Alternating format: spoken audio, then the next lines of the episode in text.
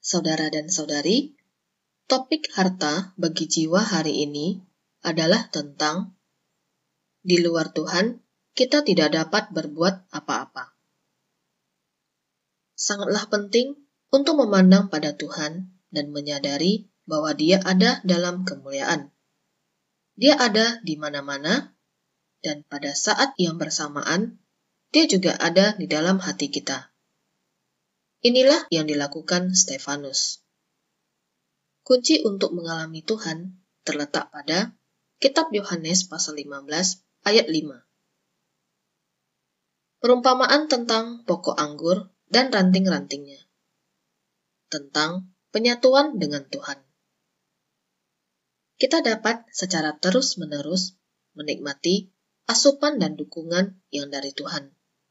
Dan kita juga dapat menghasilkan buah. Kita perlu mengingat kondisi yang tepat di mana kita dapat mengalami Tuhan secara mendalam, tanpa halangan apa pun. Ketika kita selalu menempatkan diri kita dalam posisi kondisi yang benar dalam mengalami Tuhan, maka kita akan terus mengalami kemajuan. Sesungguhnya, kita tidak dapat berpisah dari Tuhan bahkan untuk sesaat sekalipun. Jika berpisah, maka kita akan jatuh. Kristus di dalam kita adalah yang lebih kuat dari apa pun yang ada di dunia ini. Hari ini saya memiliki sebuah pesan penting untuk dibagikan. Saya ingin membantumu memasuki pengalaman. Memiliki banyak pengetahuan tidaklah cukup. Kuncinya yaitu memiliki pengalaman. Pengetahuan adalah untuk membawa kita ke dalam pengalaman. Roh Kudus akan membimbingmu. Pada saat yang sama, kamu juga dapat mengikuti saran saya untuk berlatih dan menikmati kebenaran dalam Alkitab. Saya telah dipengaruhi oleh banyak pengalaman berharga di dalam Tuhan. Semakin saya menikmati maka semakin dalam saya bisa masuk ke dalam kebenaran, semakin dicerahkan. Sangatlah penting untuk memandang pada Tuhan dan menyadari bahwa Dia ada dalam kemuliaan. Dia ada di mana-mana, dan dalam waktu yang bersamaan, Dia juga ada di dalam hati kita. Saat Tuhan mengajari kita cara berdoa, Dia mulai dengan Bapa kami surga. Seperti yang tertulis dalam Matius 6 ayat 9. Ada sebuah fokus di dalam doa kita. Di kitab kisah para rasul, saat Stefanus dianiaya, dia memandang ke langit dan wajahnya berubah seperti wajah malaikat. Saya yakin bahwa Stefanus menjalani kehidupan sehariannya dengan selalu memandang ke surga. Sama seperti Tuhan mengarahkan pandangannya ke surga. Malam sebelum Tuhan disalibkan, dia menengadah ke langit dan berdoa kepada Bapa. Seperti yang tertulis dalam Yohanes pasal 17 ayat 1. Kita harus mengikuti teladannya. Saya bersyukur pada Tuhan karena saya mengikuti teladan ini dan berjalan di jalan ini. Oleh karena itu, saya mengalami kemajuan yang luar biasa. Memandang pada Tuhan dan menyadari bahwa Dia ada dalam kemuliaan, Dia ada di mana-mana, dan pada saat yang bersamaan, Dia juga ada di hati kita, serta dengan mengandalkan Dia. Maka akan membantumu untuk pulih dengan cepat, sekalipun kamu telah tersandung. Selain itu, kita perlu memiliki kedamaian Semuanya ini adalah yang saling terhubung. Hal itu adalah yang membantu kita untuk menyadari akan Tuhan dan mengalami Dia di dalam hati kita. Kita memiliki kedamaian, kita menikmati penampakan Tuhan, kita memiliki firman-Nya dan kasih-Nya di dalam hati kita, dan lain-lain. Semuanya ini adalah kenikmatan kita yang bersama dengan Tuhan. Dalam Yohanes pasal 15 ayat 5 adalah kunci kenikmatan kita. Akulah pokok anggur, dan kamulah ranting-rantingnya. Sangatlah berharga karena ini adalah sebuah penyatuan hidup. Barang siapa tinggal di dalam aku, dan aku di dalam dia. Tuhan tidak hanya ada di dalam kita. Pokok anggur menyediakan makanan bagi ranting-rantingnya. Demikian pula, dia memelihara kita dan memberi kita pengalaman yang melimpah. Kita dipersatukan dengan Tuhan selama 24 jam sehari kita dapat mengalami dia di mana pun kita berada. Atau apa yang sedang kita lakukan. Inilah cara saya mengalami dia. Ini sangat mirip dengan bagaimana kita berinteraksi dengan orang-orang. Saat kamu berada di rumah, maka keluargamu dapat berbicara denganmu kapan saja. Kenyataannya, Tuhan adalah yang lebih intim dengan kita daripada yang lain. Barang siapa tinggal di dalam aku, dan aku di dalam dia, ia berbuah banyak. Kamu perlu menikmati dia dan menikmati asupan yang dia berikan padamu, sehingga kamu dapat menghasilkan buah.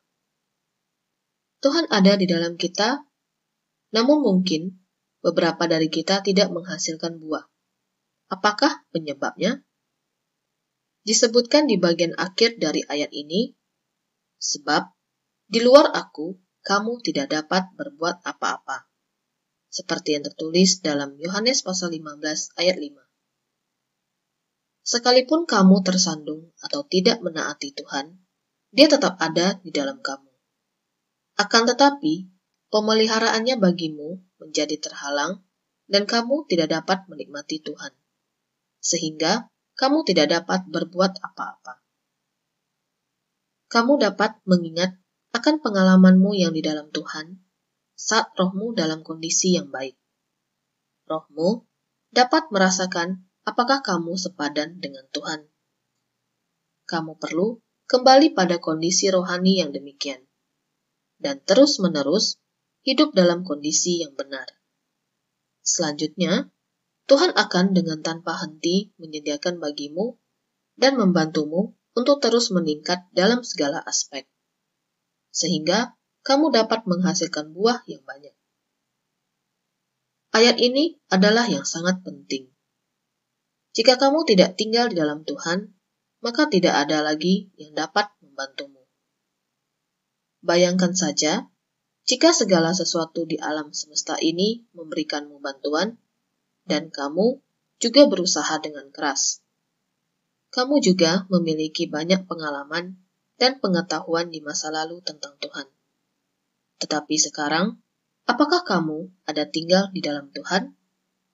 Apakah kamu terikat dengannya dengan tanpa hambatan?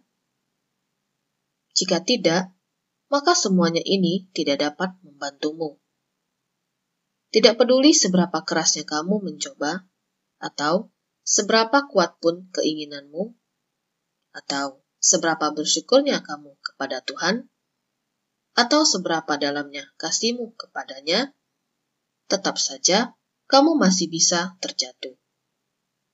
Begitulah cara Simon Petrus terjatuh. Hati Petrus adalah yang tulus pada Tuhan. Bahkan, dia rela mati untuk Tuhan. Dia telah menemukan kasih karunia Tuhan dan merasakan kasihnya. Namun dia tidak dapat dengan hanya mengandalkan kasih sayang manusia untuk memperoleh kemenangan. Setelah mengalami keberhargaan Tuhan, maka akan membawa kita untuk lebih dekat dengannya. Namun, kita tidak dapat dengan hanya mengandalkan pengalaman di masa yang lalu. Karena itu adalah yang terlepas dari berapa kali dan seberapa dalam kita telah digerakkan oleh Tuhan di masa yang lalu. Paulus pernah diangkat ke langit tingkat ketiga.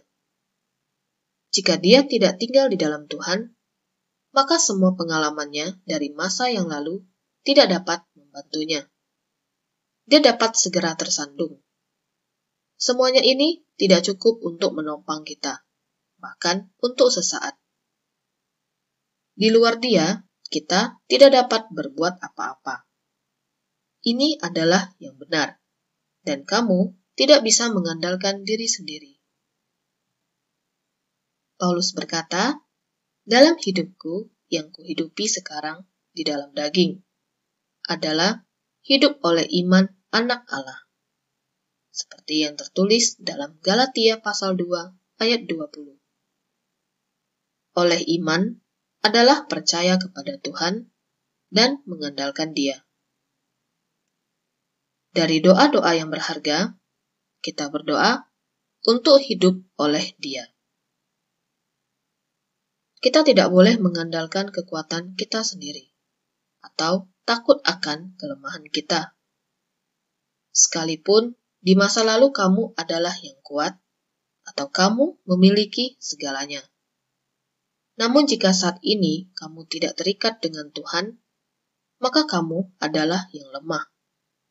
Tidak ada hal lain di seluruh alam semesta ini yang dapat membantumu. Namun, saat kita tinggal di dalam Dia, maka tidak peduli betapa lemahnya kita, kita akan dapat segera dipulihkan. Tuhan adalah juru selamat bagi orang-orang kudus. Dia adalah yang hidup. Setelah dia naik ke surga, roh kita bisa lebih dekat dengannya. Apa yang kita nikmati hari ini adalah yang jauh lebih baik daripada yang dialami oleh para murid saat Tuhan ada di bumi. Saya benar-benar ingin agar kamu lebih jelas mengerti. Tidak peduli seberapa kuatnya kamu, janganlah mengandalkan diri sendiri. Ini merupakan pengalaman hidup saya. Di luar Tuhan, saya tidak dapat berdiri, bahkan untuk sepersekian detik pun. Yang penting adalah kondisi rohani kita di saat ini, bukan di masa yang lalu, bukan seberapa banyak yang dulu kita miliki. Saya sungguh berharap agar kamu memiliki pemahaman yang jelas tentang apa yang saya bagikan. Tidak ada cara lain kecuali dengan memandang pada Tuhan dan bersandar padanya.